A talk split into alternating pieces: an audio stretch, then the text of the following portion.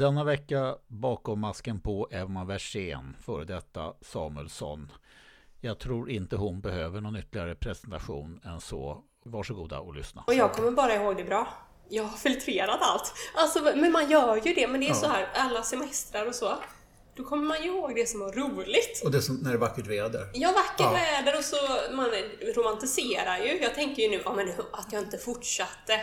Sa jag till min lillebror att det, eh, det var ju så roligt. Och så sa han, ja men Emma tänk vad du klagade, alltså de sista, sista säsongerna. Det, det var ju mycket tid hemifrån och att eh, mm. ingen ordentlig... Emma, en sak som jag måste fråga om nu. Ja, ja. Är du gravid? Ja. Är det någonting som jag får fråga om? Eh, ja, det får du absolut fråga om för att eh, det var ju jätteroligt Henning.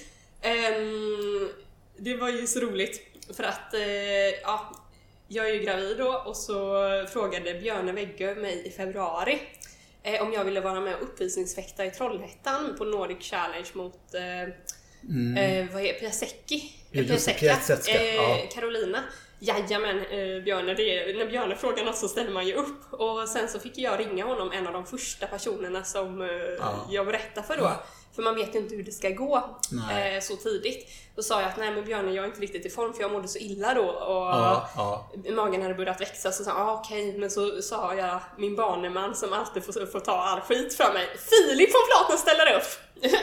eh, och han kan ju fäkta mot Bertos, så jag la ändå fram en lösning då. Eh, och så och, blev det båda eller? Ja, eh, nej men då fick eh, Filip fäkta mot Bartos och jag skulle vara live-kommentator. Ja. Och då kommer jag dit, eh, ska vara live-kommentator och så kommer det något gäng från Trollhättan och det, de säger nu är det live på Facebook. men nu kör vi, du vet sa jag, nu ska Filip och Bartos fäktas här och så frågar han Ja, och jag måste ju först gratulera för du är gravid. Och mamma visste inte om det, pappa visste inte om det, min chef visste inte om det. Det var liksom i princip jag och min man och Björne som visste om det bara för att jag inte kunde. Jag bara, jajamän, det är jag! Är det en ny liten fäktare som kommer? Ja, det vet man inte, det kanske det blir. Då tänkte jag att, åh, nu får jag väl, nu, då, då fick jag höra av mig till de flesta. Och nu vet alla som ska ja, veta om det om det, så att du kan, fråga. Då det kan vi ta det i podcasten också. Absolut, mm. det är inga hemligheter. En garde. Prêt. Allez!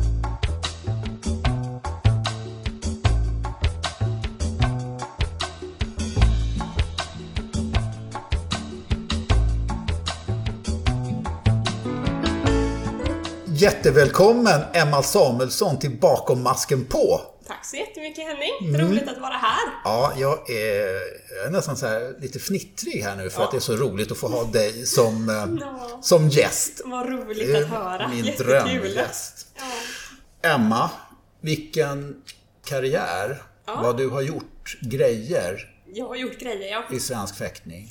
Ja, men när du frågade mig om jag ville vara med på den här mm, podcasten, för jag har ju inte varit aktiv nu riktigt själv i, mm. på två år. Då började jag ju tänka att, eh, på olika och resultat och upp och ner och det har ju varit eh, både mot och medgångar. Det har varit mm, eh, mm. väldigt en lång karriär får man säga. Jag kom ju med i jag gjorde mitt första senior-EM när jag var 14 år mm. eh, i Danmark. Eh, och då hade jag ju fäktats i två år ungefär så att jag har ju, det har gått fort mm. allting. Men ja. Eh, ja, det har varit Du gjorde ditt första senior-EM i Danmark när du var 14 år och då hade du fäktats i två år. Ja. Jag måste nästan upprepa, ta in det. Ja. När, vilket år var det då? Ja, två eller tre år hade jag fäktats. Ja. 2004, jag kanske var 14 eller 15 ja. år eller någonting. Så att det, det gick ju väldigt eh, fort får man säga. Men det var, jag kommer ihåg jag har ju alltid älskat att tävla och mm. träna och så. Mm. Men jag var så dålig på alla sporter, på alla idrotter jag testade. Min pappa han var ju med en sväng i ÖIS i Allsvenskan så han ville ju att jag skulle börja med fotboll. Jag var helt värdelös på det. Jag testade att eh, rida, då ramlade jag av hästen och jag har opererat eh, högerarmen åtta gånger. Men då fick jag hitta en sport som man bara kör med vänsterhand då. Och det var sån kärlek första Alltså första gången jag testade, då frågade jag eh, tränaren Roger Skårbratts son Johan. Mm. Att kan man vara med på OS om man har en trasig högerarm? För jag fick inte vara med på skolgympan och sådär just Jaha. för det var väldigt trasig i armen. Då sa han, jajamän, är man vänsterhänt så är det inga problem. Då tänkte jag, ja men då kör jag. Blev du vänsterhänt för att du skadade handen? Nej, eh, alla mina syskon är faktiskt eh, vänsterhänta. Ja. Så att det, jag har alltid varit vänsterhänt. Så du har alltid varit vänsterhänt i alla fall? Ja. Och, då, och man kan ju inte skylla på att du då som småkillar hade någon dröm att du skulle bli musketör eller Star Wars eller något sånt där. Eller, Nej. Det var bara att fäktning, det var kändes rätta grejen. Ja men min eh, morbror Johan Wartzén, han fäktades eh, florett och var jätteduktig. Ehm, och var med väl i juniorlandslaget och sådär. Så åkte jag och kollade på en tävling och testade masken och sen så eh, testade jag att fäktas och det var första gången jag var riktigt bra på något. Jag vann mot alla killarna och då kände jag att då måste jag ju fortsätta med detta. Ja. För att eh, jag vet att när man hittar någonting bra så håller jag fast vid det. Så Mm. att det, då brukar jag vara lojal mot det länge. Samma ja, som min man nu. när, man hittar, när man hittar någonting bra, då kör jag på det. Ja, så att han, har- han har samma filosofi när han har hittat någonting bra. Ja, men jag hoppas det. Ja, det tror jag också. Absolut.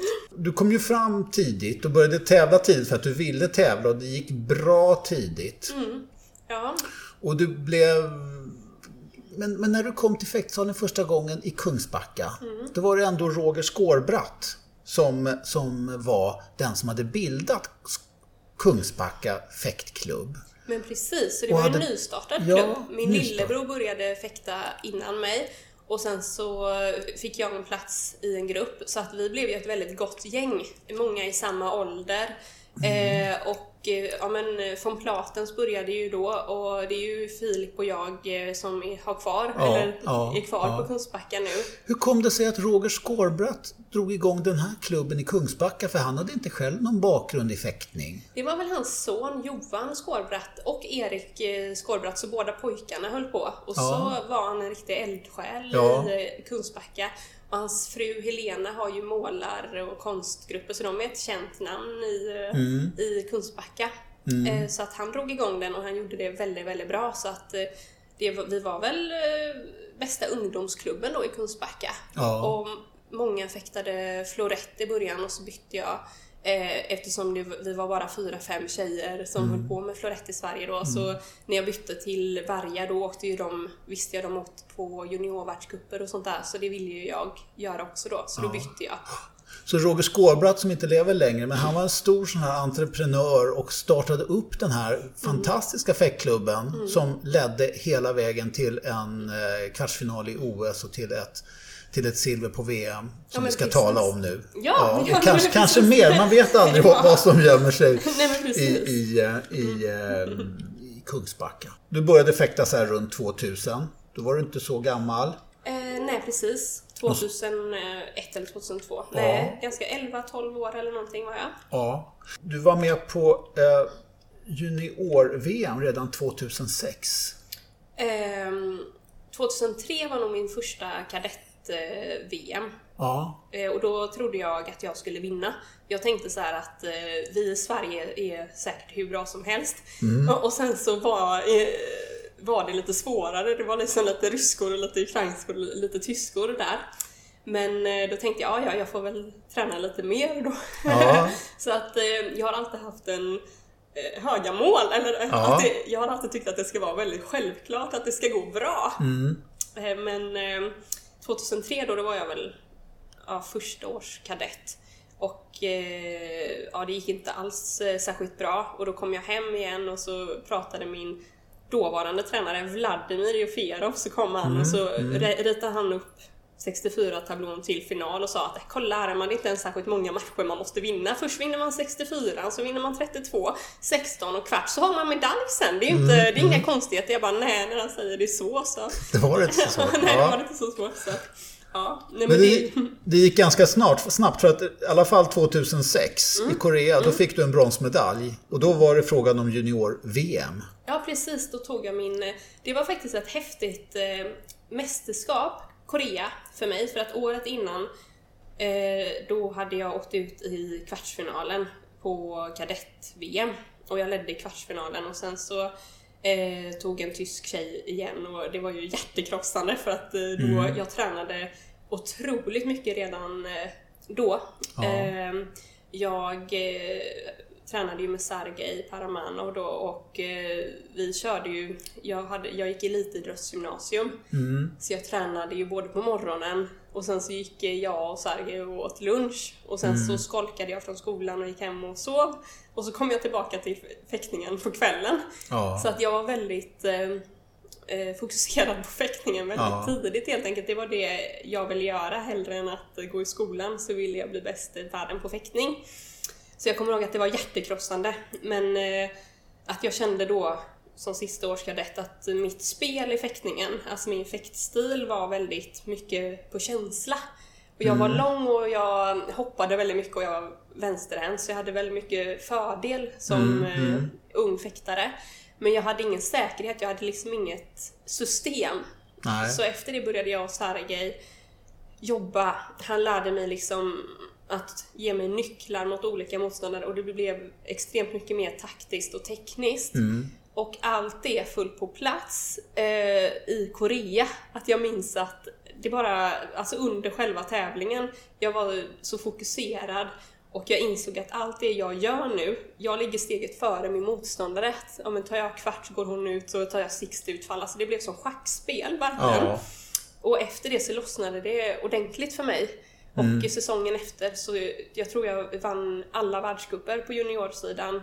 Vann junior-VM och tog EM, senior-EM silver. Alltså bara för att det lossnade för mig. Mm. Du kände att du, hade, du låg steget före som du säger. Ja, du förstod vad motståndaren skulle göra och mm. kunde svara på det redan innan hon visste om Ja men precis. Själv vad hon skulle jag göra. ägde matcherna och innan dess så hade jag mest gått på känsla helt enkelt. Ja. Alltså hoppat och så ser, ser jag, ja men där är en öppning och så långt utfall och så kanske det blir dubbel eller min eller hennes mm. i, i mm. princip. Hade jag en bättre dag, alltså bättre form, bättre känsla, då gick det bra. Hade jag dåligt så gick det dåligt. Alltså. Mm. Det här är ju sånt som jag tycker är jätteintressant och det är lite grann det här som jag märker att många av mina intervjuer börjar handla om mm. när man pratar fäktning. Just det här när man möjlighet att förekomma motståndaren och när ser man och när kan man tänka tydligt fäktning själv mm. i huvudet medan man håller på. Ja. Och väldigt mycket så tycker jag att jag hamnar i någonting att när man är ung så då går det av sig själv. Mm. Och sen när man är så mogen så att man verkligen kan börja analysera. Mm. Då följer inte kroppen riktigt med på det man tänkte göra. Så att man har en, en riktigt bra fäktare når det här stadiet mellan någon gång mellan 25 och 30. Då är man som bäst. Mm. Men du du kände att du hade det här redan i Tidigt. första junior-VMet. Ja men precis för att eh, jag tror det är ju bara tack vare Sergej eh, Paramanov. Mm. Han var ju fantastisk och det var ju vi klickade ju så bra på det sättet för att jag var ju ja, men, en eh, ung fäktare som bara ville... Alltså, mm. jag ville ju bara bli bäst i världen. Visste han om att du skolkade för att gå hem och så? Ja, det, det var han inte nöjd med. Men jag hoppade ju faktiskt av eh, gymnasiet. Men det var... Eh, hur gammal var jag då? 15-16 år när man började gymnasiet. Mm. Eh, det var... Jag är uppvuxen på landet utanför Göteborg. Eh, och vi hade ett stort hus och sen så skilde sig mina föräldrar och helt plötsligt bodde jag, mamma och mina bröder och en stor hund i en tvåa. Mm. Och jag bytte till det här elitidrottsgymnasiumet. Så det var väldigt krisigt då, men då blev Sergej och fäktningen, det var ett ställe där jag trivdes och där jag ville spendera mm. min tid. Mm.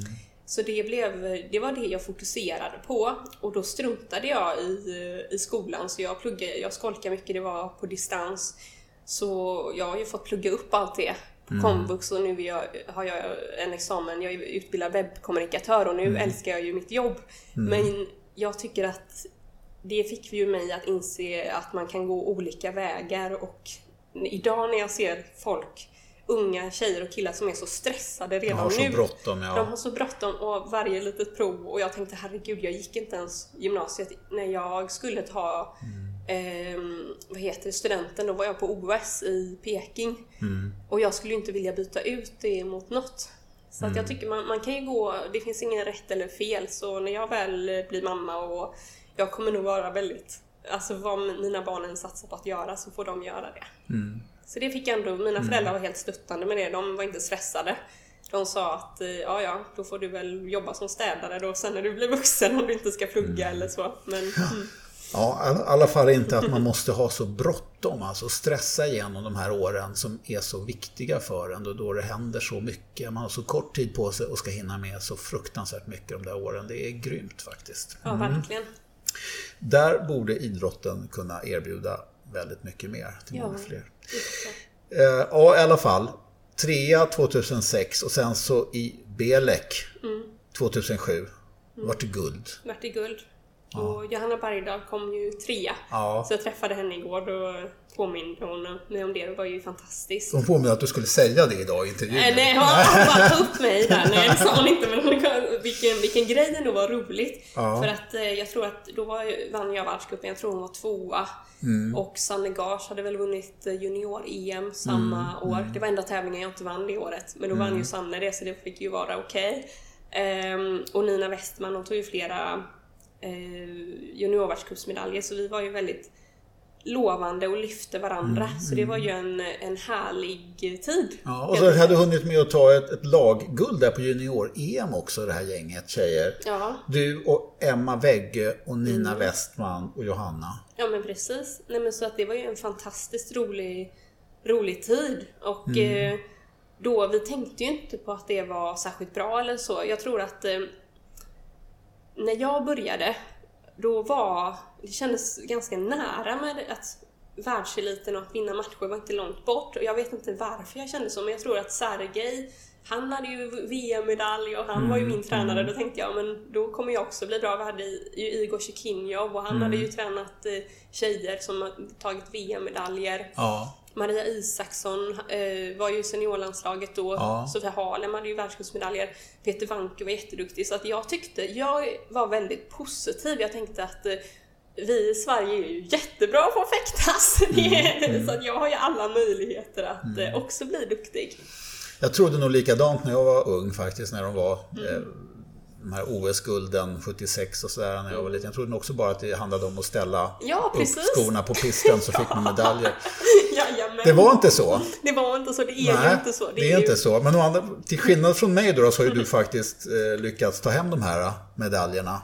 Ganska många utav dem vid många tillfällen. Mm. Du, um, vi tar oss fram då till, till OS som jag tycker är en fantastisk bedrift. Det är väl faktiskt sista, senaste gången som vi har haft ett OS-deltagande, 2008 då i Peking. Ja. Då du fick ett wildcard. Mm. Hur kom det sig då att du fick ett wildcard? Eh, nej men det var väl att eh, Svenska fäktförbundet eh, nominerade ju mig och jag hade ju haft det här otroliga året på juniorsidan med mm. vinster i alla världscuperna och vann junior-VM och senior-EM silver. Mm. Så att eh, jag tror att, eh, och vi hade inte haft... Du tog alltså ett silver på senior-EM, men du var ändå inte kvalificerad för OS det året? Nej. Nej. Eh, jag hade inte ställt upp på så många seniortävlingar. Jag var ju fortfarande andraårsjunior då. Men så jag tror väl att det var länge sedan Sverige hade haft med. Vi hade mm, väl inte haft mm, med, mm. Peter Wanke var inte med 2004. Nej, han var med sista gången 2000. 2000. Blankt ja, mm. i Sydney. Precis. Nej men så det blev väl att då satsade de väl mm. på länder som inte hade så många deltagare, vilket gynnade mig. Eh, så jag fick ju det här eh, wildcardet då. Och eh, det var ju otroligt att vara med där. Ja, men det var en uttagningstävling också, den här särskilda uttagningstävlingen i regionen där du missade på en match. På en stöt. Ja. Jag fäktade mot Sofie Lamont, kommer jag ihåg. Mm. Och jag låg under Från ganska Schweiz. mycket. Ja. Jag tror att till och med jag låg under 14-9 och så fick jag, tänkte jag nej, nu ska jag till OS. Så satte jag till 14 lika och sen så fick hon en stöt under handen och vann. Mm. Så hon kvalade in och inte jag. Eh, och då blev jag ju förkrossad verkligen att det hade varit eh, så nära då. Mm. Men sen så fick jag ju reda på det här wildcardet några veckor senare. Ja. Så, ja, för de gör, de gör ju så alltså. Det var ju ingen, om man tänker på att de här wildcarden som ändå finns och mm. fördelas så var det ju ingen jättesensation att du fick den då, Nej. utan det var ganska naturligt. Och då kom du dit. Hade du respekt för de här damerna som du skulle möta? Ja, alltså... Det är klart, jag tyckte de var väldigt duktiga. Jag kollade ju mycket på, på matcher på Youtube och följde dem. Men eh, jag fick möta, jag blev lottad, jag var ju en av de sämst rankade då i och med jag hade inte mm, varit med på mm. så många tävlingar. Så då fick jag möta Tatjana Lugonova i mm. första matchen. Mm. Och hon är ju väldigt lurig, hon är en fäktare med väldigt stort självförtroende. Men jag hade ju faktiskt slagit henne i kvartsfinalen på senior-EM. Mm. Så jag visste att, eh, ja men så svår var hon ändå inte. Nej. Men ehm, då la vi upp taktik eh, att jag skulle vara väldigt, väldigt defensiv, vilket jag inte gillar att vara, men jag tänkte att det är ju bättre att och du, och, du och Sergej la upp taktiken innan, gick igenom den precis? Ja, gud ja. ja. Man gick igenom den matchen väldigt noga. Jag var ju mm. nästan i tre veckor med honom. I, Hur länge innan fick ni veta att du skulle möta just uh, Loginova? Det fick jag reda på, jag tror kanske åtta, nio dagar innan när jag var i Japan. Mm. Eh, på eh, förläger. Mm. Free Camp i Fukuoka. Då hade jag Nina Westman med mig och Igor Shekinjov och Sergej Paramanov och jag. Eh, men det var väldigt, det var en lång Eftersom jag hade varit borta med Sergej, ensam med Sergej i Ukraina i tre veckor på förläger. Och sedan så var man ju en, en vecka i Fukuoka, sen så var man en vecka i Peking. Mm. Jag var ju väldigt fokuserad och jag ville bara liksom in och göra min match. Det var så mycket snack om det innan och så mycket mm. så att mm. jag kom ju verkligen superladdad dit och gjorde en taktiskt eh, perfekt match. Sedan så fick jag möta Kira Lipiko, en äldre mm. fransyska. Mm. Eh, som är ja, men duktig och hårdhänt men ingen Ja, men super, superrutinerad och hon hade VM-medaljer ja, ja, med ja. sig. Hon var väl ungerska från början, Kira, och sen så gifte hon sig med en fransk fäktare som heter Picot och så blev hon fransyska, ja. Men precis, ja, vad jag kommer ihåg från den matchen var hon ledde mot mig. Men sen körde jag min gamla Bettan där med oktavutfall och den kunde hon ju inte, hade hon ingen chans alltså. Men eh, jag kommer ihåg att det var skum känsla på OS för att eh, det var ju väldigt många världscuper då. Jag tror ja. att det var kanske fyra, fem fler världscuper än vad det är idag. Mm. Eh, och när jag hade varit med på en del av dem, då var ju fäktarna väldigt avslappnade för det blir ju så till slut. Man mm. kör ju tävling ja. år efter år. Jag tror vissa Frisell var alltid supertaggad och skrek innan och var väldigt så fokuserad men de mm. flesta är ganska avslappnade. Men i OS, att vara på Karlrum innan eh, det är, någon står bara och skriker i ett hörn. Det är nästan som att man tror att man är på ett mentalsjukhus liksom. Mm. För vissa sitter och gungar. Alltså det är så konstig stämning tyckte jag att det var. Ja. Men jag var ganska avslappnad ändå. Och tänkte, det är ju ganska tacksam roll att vara. Jag var där på wildcard, var ja. väl 19 år eller ja. någonting. Och hade inte så jättemycket, jag kände det bara som att jag hade att vinna. Men sen så fick jag ju möta Heidemann. Eh, ja, och hon, I kvartsfinalen. I kvartsfinalen på OS. Och det var massa svenskar i publiken och heja Emma, Emma. Kommer jag ihåg, det var jätteroligt. Mm. Men eh, ja, hon stod och bara skrek rätt in i en vägg i 15 minuter innan matchen. Jag tänkte, är hon galen? Men det är hon inte. Hon är jättesnäll och jätte, världens trevligaste. Men hon kände väl att det var väl lite otäckt att möta mig. Ja. Det är ändå lite pinsamt nästan att förlora mot en junior. Ja i kvartsfinalen. Det är ju ganska bra läge. En som har slagit ut två riktigt svåra motståndare mm, innan. Mm, mm. Så hon taggade väl igång sig på det sättet. Och hennes stil som hon körde då, det körde ju ingen annan tjej. Nej. Så kraftfylld ja. fäktare. Så där... Eh, och då eh, kunde jag inte slå henne, så det var ju bara hatten av. Ja. Så eh, jag tror hon har skrivit, hon sa till mig hon har skrivit om den matchen i sin bok, Kontakt, alltså om Eh, mentalitet, sport. Ja, mental, ja, mental träning. träning. Ja. Mm, att eh, hur hon, eh, hon var tvungen att skrika igång sig så mycket eftersom hon ställdes inför en motståndare som hon dels aldrig mött innan, inte sett så mycket, bara hört att men detta är en talangfull tjej. Ja. Det är ju en speciell känsla. Ja, och sen så står hon där ändå i en kvartsfinal på OS och vet att förlorar hon den här, ja. då är det fiasko. då är det fiasko, ja. ja. Då, då är det verkligen fiasko. Mm. Mm. Men det, det gjorde hon inte. Hon, Nej, hon flashade ner mig. Hon gjorde, hon gjorde faktiskt inte det och hon, hon är ju en väldigt stark fäktare och sen så tog hon ju, hon tog ju guldet. Ja, hon tog guldet. Och hon tog silver OS därpå. Ja, nej men fantastiskt. Mm. Och trevlig tjej. Ja. Vi var och tränade med henne innan, jag och Johanna Bergdahl och då bjöd hon hem oss och vi har ju rest med henne i Kina. Hon pratar ju flytande mandarin. Jaså. Ja, så att hon är en häftig tjej. Ja. Hon guidade oss. Jaha. Fantastiskt. Mm. Ja, eh, men då, då där OS 2008. Jag kommer ihåg man såg det här på TV, på dagtids-TV i Sverige. Jag var på ett kontor, på ett besök på ett annat kontor och alla samlades kring, kring tv-skärmarna där och jag kommer ihåg att jag tänkte att herregud, det här är inte sant, det här händer inte. Jag står och tittar på. Sen, jag var ju nästan tänkte tänk om hon tar medalj. Men då ja. blev det ju inte så ändå. Men det är fantastiskt ändå, en kvartsfinal där mm. under de förutsättningarna. Eh, så det, det, var, det tycker jag var riktigt stort. Eh, och då trodde vi ju liksom att ja, men det här, nu kommer det bara rulla på. Och sen så följde ju upp det här också eh, med massa fina placeringar i, i världskuppen.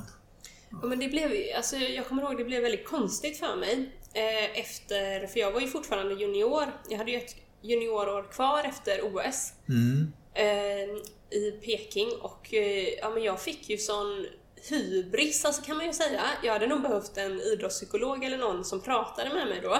För att jag hade ju, det hade gått så bra och nu visste inte jag, jag bara, hur bra är jag egentligen? Alltså när jag skulle tävla seniortävlingar för att det var ju fortfarande så att mötte jag någon av de svenska tjejerna jämngamla, de kunde ju slå mig. Alltså när man mm. såg tillbaka, det var ju extremt många 15-14 matcher, det är ju små marginaler. Mm. Mm. Eh, och det var ju det att, nej men jag hade varit så otroligt fokuserad, kämpat hårt och haft flyt ibland, alltså det har man ju. Men eh, det var en jobbig tid efteråt för att eh, jag trodde att det skulle fortsätta att gå lika bra på seniortävlingarna som... Jag var ju kvarten på OS och senior-EM-medalj. Mm, mm. Det här kommer ju gå kanon. Men jag tänkte inte på att det finns ju väldigt många andra mm. fäktare som är otroligt duktiga. Mm. Så att jag tyckte det, det var en jobbig mental period efteråt. Och eh, jag har ju egentligen alltid haft sedan dess, eller hela min seniorkarriär, har ju varit väldigt alltså blandade resultat får man säga. Mm. Men jag tror att varje säsong har jag i alla fall någon så här kvartsfinal, alltså, eller ja. medalj. Ja. För att då var du ju ett jagat villebråd också. Ja men precis, då vet ju folk vem man är och jag började överträna, skada mig. Mm. För att mitt enda sätt var ju alltid hård träning. Jag har ju alltid tränat extremt mycket. Min enda, det har ju varit min taktik då att hur blir man bäst? Man tränar mer än alla andra. Ja. Men det blev nästan att det kanske blev för mycket, eller i alla fall lite fel träning som min kropp inte klarade Men du, hade, har du tränat så här mental träning också tillsammans med SOK eller ingenting sånt? Har du bara förlitat dig på din egen jag, jag fick fokusering? En, jag fick en, en mental tränare eh, på slutet nu. Eh, men då fick man ju allt, man fick dietist och det var, det var ju nästan ett heltidsjobb där med att vara elitidrottare verkligen för att man tränar och sen så var det idrottspsykologen och sen så träning igen och sen så till dietisten och invägning och allt vad det var. Så att då fick jag väl det. Men jag tror faktiskt att jag hade behövt eh, just där och då när man mm. slog igenom för det blev ju konstigt. Jag flyttade ju hemifrån, jag var med i Team Visa, jag tror jag fick stipendier för 300 000 på ett år. Jag trodde det är så här mitt liv är nu. Mm. Wow! Mm. Men det var ju inte riktigt så. Eh, utan det var ju lite engångs där när man väl slår igenom och får alla lilla bragdguldet. Ja, just det lilla bragdguldet fick du. Ja. Mm. Så, ehm, men så var det ju inte säsong efter säsong. Nej. Utan då fick man ju en kalldusch kan jag väl säga. Det var ju skador och men jag lyckades ju ändå alltid motivera mig. Jag fortsatte ju alltid träna hårt och så kom ju toppresultat blandat mm. med lite mindre bra ja. resultat. 2010, två stycken andra platser i världscupen, Luxemburg, Barcelona. Mm. Har jag skrivit ner på min lista. Ja. Ja. Och de här åren så gick också Sergej Paramanov i pension och flyttade han, hem till Ukraina. Han slutade 2012 när jag inte kvalade till eh, OS. Just det. Så att jag, det är nästan det, alltså jag har ju inte kunnat kolla på sommar-OS, eh, de här som har varit nu, i London och i Rio, för att det har ju bara varit, det har ju känts som en kniv eh, i bröstet faktiskt, för 2012 då, jag hade ju, jag vann ju den sista världscupstävlingen där mm. i Paris. Just det. Och jag hade ändå om en kvartsfinal på Grand Prix, jag var bra rankad. Eh, inte i eh, toppen, men jag tror ändå, jag vet inte om jag var topp 16 i världen eller någonting, topp 17. Ja, du låg precis där tror jag på, på gränsen 12, 16, 17. Ja, du precis. Första placeringen som inte gick direkt mm. till OS. Ja. ja. Och sen så hänvisar då till den här olympiska kvaltävlingen för Europa ja. Efter att som sagt ha en världscupseger. Och i den här tävlingen så får du i avgörande matchen möta då Laura Flessel. Ja, Laura Flessel, mm. storstjärnan, franska. Nu är hon inte idrottsminister i Frankrike längre. Är hon inte Nej, jag hörde någon sa det sista dagarna här. Men mm. hon var ju den då som vann den första kvinnliga OS-medaljen i värja mm. i 1996 i Atlanta när damvärjan blev olympisk idrott. Hon är en jättestjärna och henne där var inte, henne, Frankrike var inte heller kvalificerad i lag, så hon var också på den här lagtävlingen. Yeah. Och henne fick du då möta, eller hon, hon var också i den här speciella uttagningstävlingen ska jag säga. Alltså henne, för att jag hade slagit henne två veckor innan i semifinalen ja. mm. på världscupen.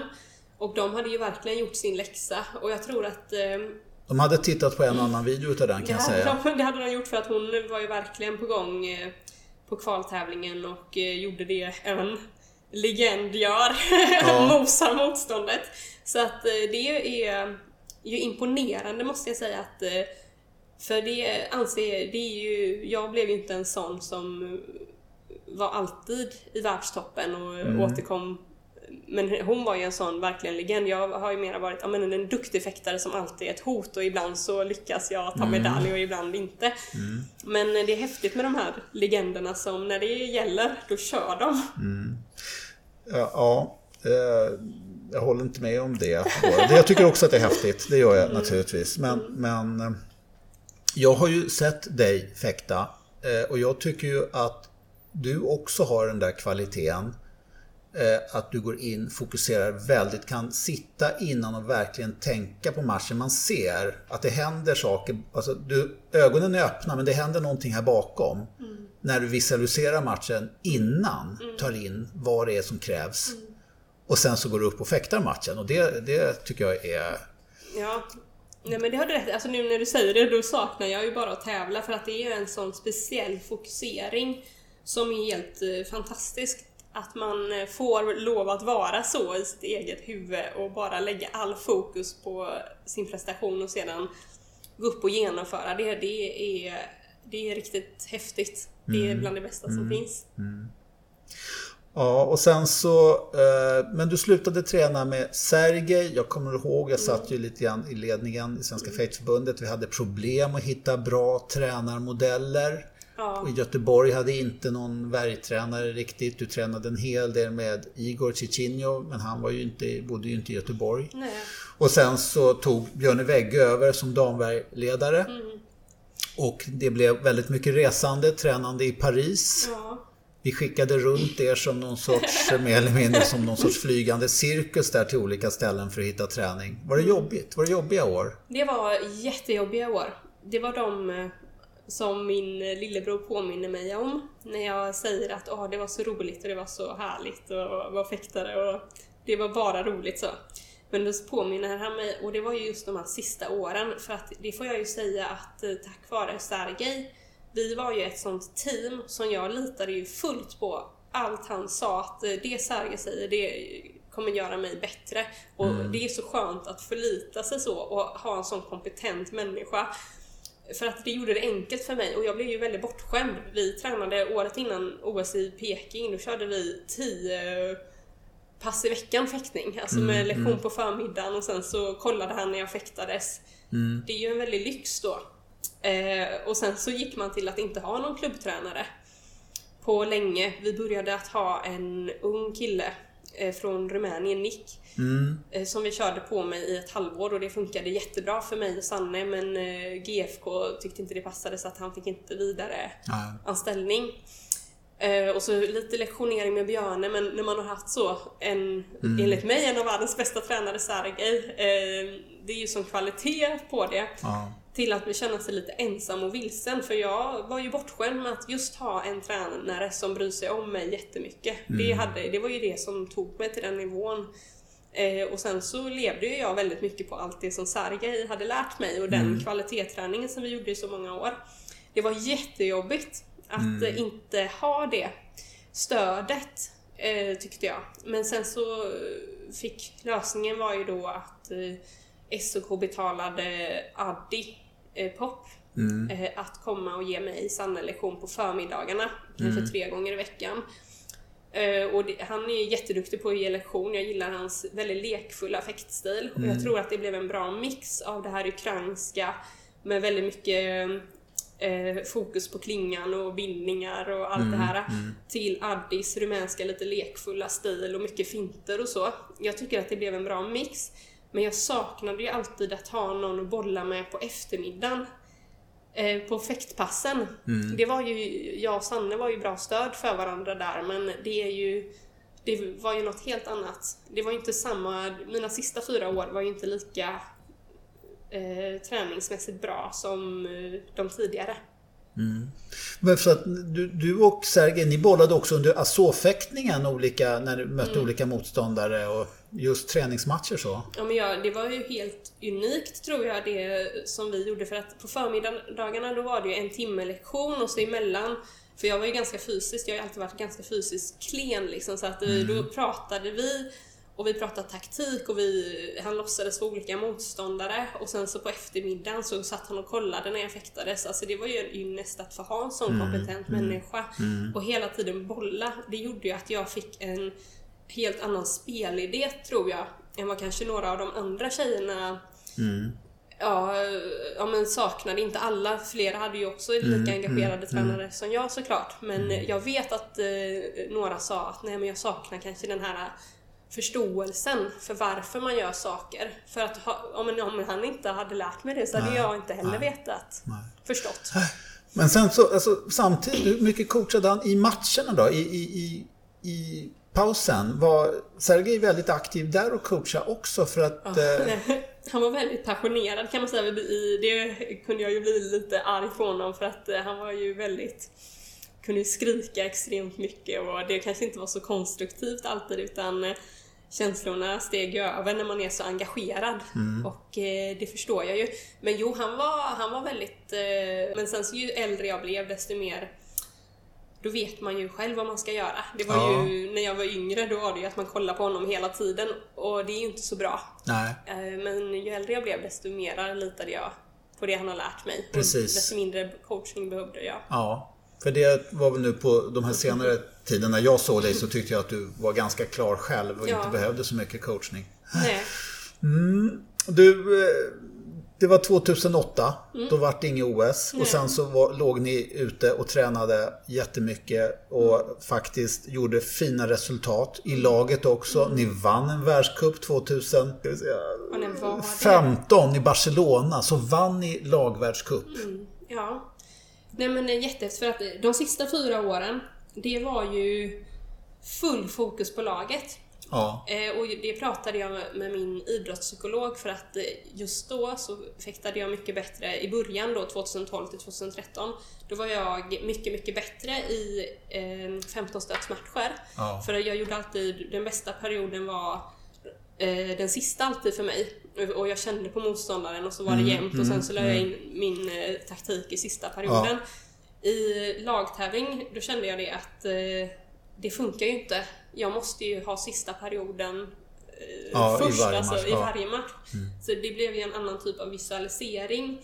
Och det vi gjorde var ju, det gjorde Björne Wegge fantastiskt med oss tjejer. För att han fick alla tjejerna att fäkta faktiskt som världsstjärnor för det var sällan vi inte var i topp 8 mm. eh, sista åren. Vi var ju ofta uppe i semifinal och mm. i, i kvartsfinalen mm. och då slog vi ut lag som eh, eh Ryssland och Tyskland Rumänien. och Rumänien. Ja. Alltså, och de har ju i princip bara världsfäktare mm. och att jag tror att det var nog bara hälften av vårt lag som hade varit i kvartsfinal mm. individuellt då. Mm. Johanna Bergdahl har ju gjort flera framskjutna placeringar individuellt ja, också. Men alltså den gången ni kom tvåa i St. Maur mm. eh, i laget 2014 mm. och eh, då var ju inte Johanna med, då var det Kinka som fäktade på den platsen. Ja. Och Sanne Gash och du. Mm. Och ni slog ut Rumänien, Ryssland i kvartsfinal, Rumänien, Ukraina. Ja, då var ju du med Henning. Ja, då var jag med och det var, jag bara, jag visste inte vad jag skulle till. Och vad jag blev imponerad utav det var den struktur som mm. Björnen satte mm. omkring hela laget. Att ni mm. gjorde precis så här. Ja. Och ni gick väldigt liksom, metodiskt igenom hela tävlingen. Och det mm. bara rulla på, rulla på, rulla på. Så att ni var ju inte långt borta ändå Nej, från det där OSet. Jag är otroligt stolt över alla tjejerna och hur vi tog oss an den här laguppgiften för att alla var, vi fäktades alltid för varandra. Det spelade mm. ingen roll vem som eh, går plus eller minus för mm. vi fäktades alltid som ett mm. lag. Mm. Eh, och dessutom att alla tjejerna var så trygga i laget att man fick ut sin absolut bästa fäktning. Ja. Så det var häftigt att se för att på lagtävlingarna då var det ju ofta, alltså tredje, fjärde tjejen fäktade ju som, alltså, mm. som en riktig världsstjärna helt enkelt. Ja. Så man förstår inte varför tar inte hon alltid världscupsmedalj för att ja. hon är ju helt fantastisk. och den här tävlingen just kommer jag ihåg, då var det Emma Wenner från Djurgården som fick hoppa in som fjärde tjej. Och mm. ni fäktade inte henne någonting. Utan mm. den här tävlingen så var ni hänvisade bara till ni tre ja. och göra jobbet. Och mm. det var proffsigt alltså. Men Sanne och Kinka de är fantastiska eh, i laget. De är mm. riktiga, det passar eh, dem. Så att eh, det var inga konstigheter egentligen. Nej. Det tyckte jag. jag Business bara, as usual. Ja, men, och Björn är ju så rolig för han är ju så ärlig och han är ju riktigt satt statistik. Och så kommer han så här. Ja tjejer nu är ju ni eh, sämre än vad de andra i Ukraina är. De kom bättre än er individuellt och så, att det här blir riktigt tufft. Så gick han och jag sa, nej tjejer kommer vinna. De är värdelösa. Vi är mycket bättre. Så att det här, det här kommer vi ta. Så att eh, det var den inställningen vi hade. Mm. Det här kommer gå kanon. Du, så vart det en silvermedalj på VM 2015. Mm, precis. Ja. Mm. Och eh, också en bra tävling. Ja, jätteroligt. Eh, det var ju kul för att jag hade inte fått till det på VM innan, på senior-VM, utan jag mm. missade, jag tror att eh, jag missade året innan för jag var långtidsskadad. Ja, jag var skadad i sju månader, kunde jag inte fäktas. Nej. På grund av en bristning i vaden. Eh, men jag vet ju alltid, jag har bra självförtroende och jag vet min kapacitet. Eh, och jag hade fäktats superbra i lagtävlingarna men jag hade inte fått till det individuellt. Men på lagtävlingarna då, då fäktade jag fantastiskt hela säsongen eh, 2015 där så att eh, jag kände att det här kommer, min form kommer. Mm. Och så på EM eh, några veckor tidigare så eh, gick jag till 16-delen och åkte ut med en stöt. Mm. Från kvartsfinal och då fick jag liksom ordning på mitt offensiva spel eh, som hade saknats lite efter skadan, att jag inte, mina utfall kom inte lika naturligt i början. Men eh, ja, på VM, jag kände bara att eh, det här eh, kommer bli kanon. Jag kände mig fokuserad när tekniken sitter och så var jag väldigt, väldigt bestämd. Mm. Och fick en bra mix av mitt offensiva spel och det defensiva och det är ju det som ofta när det inte gick bra för mig, då blir det att eh, det är mixen av de två mm som jag inte riktigt fick till. Men eh, ja, på VM fick jag ju till det så det var roligt. Mm. Det gick nästan hela vägen fram till lilla Rosella Flamingo där, Italien. Oh, herregud, den matchen var ju dålig. Det var ju tråkigt att uh, avsluta med en sån uh, dålig match. För jag har gjort väldigt bra matcher ja, mot uh, Då kom, mot då kom, kom in den här favoritkommentaren på presskonferensen sen. Rosella, unfortunately was too short for me today. Ja, men hur, ja, och hon skickar bilder till mig ibland. Alltså, jag mötte ju henne på världscuper. Så kunde hon skicka, hon är ju så söt och snäll, så skickar hon någon bild när jag ser ut som en jätte och hon ser ut jätteliten. Så säger hon Wow, you're so big! Eh, du är verkligen en jätte. Jag bara, ja tack för den liksom. jag borde ha vunnit mot henne för alla vi är 80 tjejer som inte fick dansa tryckare liksom, men inte ens det kunde jag. Ja, jag dansar tryckare ändå faktiskt. Men hon är en bra fäktare. Det är ja, otroligt. Men du slog, du slog ett par andra riktigt bra fäktare den mm. tävlingen. Hur var det där finalen? Vilka var det du mötte? Nej men eh, jag slog ju XU för första gången. Jag hade bara mött henne, eh, den här kinesiskan som mm. var väldigt stabil får man mm. säga. Mm. Eh, hon var nog världsetta då, så jag hade åkt ut mot henne en gång tidigare. Men eh, hon har väldigt stabil stil, men gör ganska primitiv ändå, gör ganska mm. mycket mm. samma oktavutfallet. Så jag visste ju det, så jag tänkte ja. att jag har inget riktigt att förlora. Jag är semifinal på VM, jag möter en duktig tjej och nu ska jag lura henne liksom. Så att det var en rolig match. Mm. Att jag fick till det så bra. Sedan så slog jag väl ut några estniskor och en annan kines.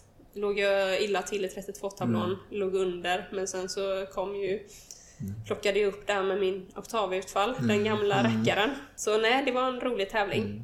Och då tyckte ju alla som har något vett i skallen att har man varit silvermedaljör på ett VM mm. så borde man vara kvalificerad för ett OS som går året efter. Men så fungerar det inte i fäktning. Nej, men jag tyckte det var, alltså just det här, det är ju lite därför jag inte fortsatte också i ytterligare fyra år. För jag tog ju faktiskt världscupsmedalj i Argentina mm, och sen så var innan, det tävling i Budapest. Mm. Eh, och då åkte jag ut i 32-tablån. Och då gick ju SAS in till OS. Men alltså de som var före mig, mm. det var Flamingo SAS. Och ja. sen var det jag. Och eh, de två kom ett och tvåa på OS. Ja. Och hade jag varit med i något annat vapen eller till och med i Härvarja, de killarna som kvalade mm. in på de placeringarna, de låg ju, hade ju mycket mindre världscupspoäng än mig. Mm. Och Navaria som till och med låg högre upp än mig hade mm. vunnit två Grand Prix. Hon kom inte heller till OS. Nej, som är världsmästare nu då sist. Ja men så ska det vara med tjejer från eh, Afrika och Kanada och så som man knappt värmde upp med för att det inte gav någonting. Nej. Det är klart att det, det gör ont men mm. Eh, ja, OS är ju för att alla ska få vara med utan jag, kändes det då. Mm. Lite bitter! Ja, vi delar den bitterheten tror jag hela svenska nationen. Det är därför som Sverige nu så hårt driver för att vi faktiskt ska få till en ändring på det. Men, ja, men, hoppas, ja. det där är ju långa, långa diskussioner som krävs för att få FIE och mm. ändra på det där. Ja, det är det. Eh, och det blev också en kvaltävling där. Du fick mm. stryk mot den schweiziska igen. igen ja. ja. Nej men eh, jag hade alltid haft om en ganska lätt för henne slagit ut henne flera gånger. Men så på slutet så hittade hon någonting så jag hade åkt ut mot henne mm. en gång innan och det blev stryk där också. Så att eh, just jag har funderat lite på det för att kvaltävlingarna var ju inte min grej. Men när man ser när jag fäktar som bäst det är nästan, jag tror att jag gillar, ah, nu tappade jag den. Jag gillar liksom de fina lokalerna, jag gillar när det är fest Alltså jag älskar ju fest i, hela mitt liv, men när det är alltså i St. Maur, jag tror att jag har väl tre världscupsmedaljer därifrån och två topp 8 placeringar. Där är det, det är fin scen, det är blommor, det är publik, jag gillar det. Alltså kvaltävlingarna, det är liksom Bratislava i uppvärmningslokalen där vi har läger och där ska OS avgöra. Jag vet inte, men jag kommer inte igång. Jag hade nog behövt visualisera att det var Oscarsgalan eller något, för då hade jag nog fäktat bättre. Det berättar du för en som liksom har fått leva sitt fäktliv uppe i så här Max Planck gymnasium i Heidenheim ja. klockan åtta på morgonen. Det är där, där jag har fått göra mina stora framträdanden. Ja, men. Ja, men jag, ja, ja. jag går igång på att när det, är, när det är på riktigt känner jag att mm. nu ska jag glänsa. Mm. Nu kollar alla på mig och jag ska dominera. Det har jag gillat väldigt mycket. Mm. Eh, och så fäktar jag lite sämre i de här undangömda mm. gympahallarna. Mm. Så det är ju, jag vet inte, det är ju lite på skoj men jag tänkte på det nu när vi mm. När jag tänkte att, ja. Och det är ju då uppe på den här finalpisten, det är då man får möta de bra fäktarna också. Och det är ja. då man plockar fram sitt bästa själv. Det är ju det mm. man visualiserar i all sin träning, när man springer, när man fystränar. Det är ju de matcherna man vill vara i. Mm. Och det är ofta då jag har fått fram ja, men min, min bästa fäktning. Ja, sen så har det varit lite grann fram och tillbaka nu med fäktningen för dig och sen så har jag tänkt att herregud, måtte inte Emma vara förlorad för svensk fäktning. Mm. Men nu är du inte riktigt det utan nu ska du vara damvägledare.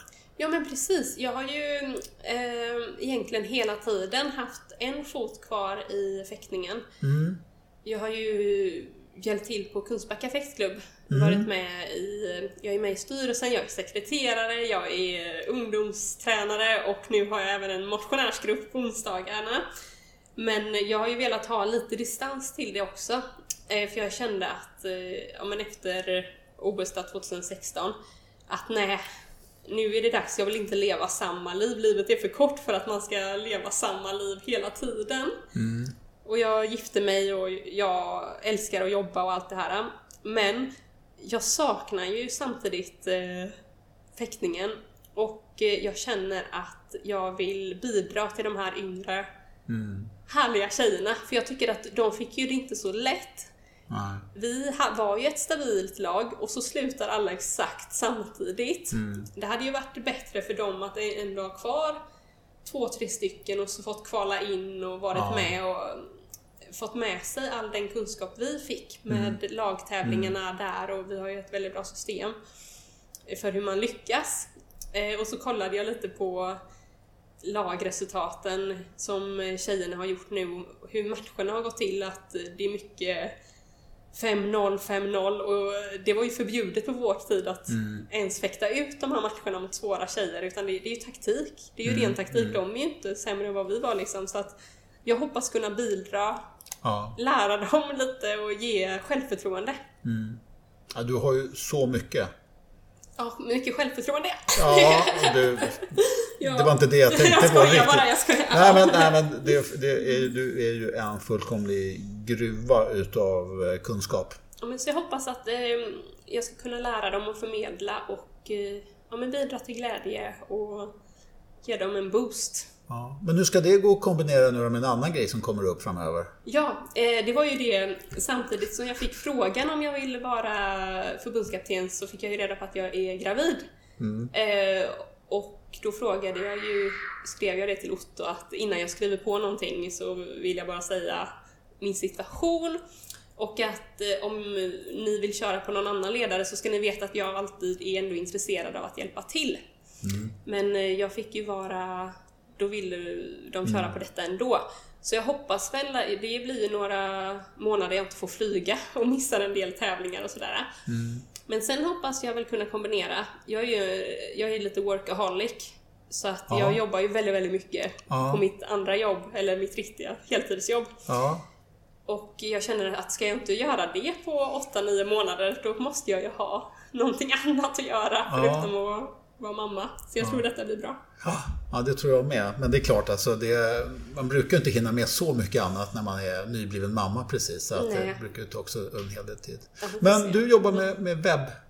Ja, eh, jag är digital marknadschef på ett tyskt modeföretag. Ja, och det är ganska om... nytt va? Att ja, jag har där jobbat där företaget. i ett och ett halvt år nu.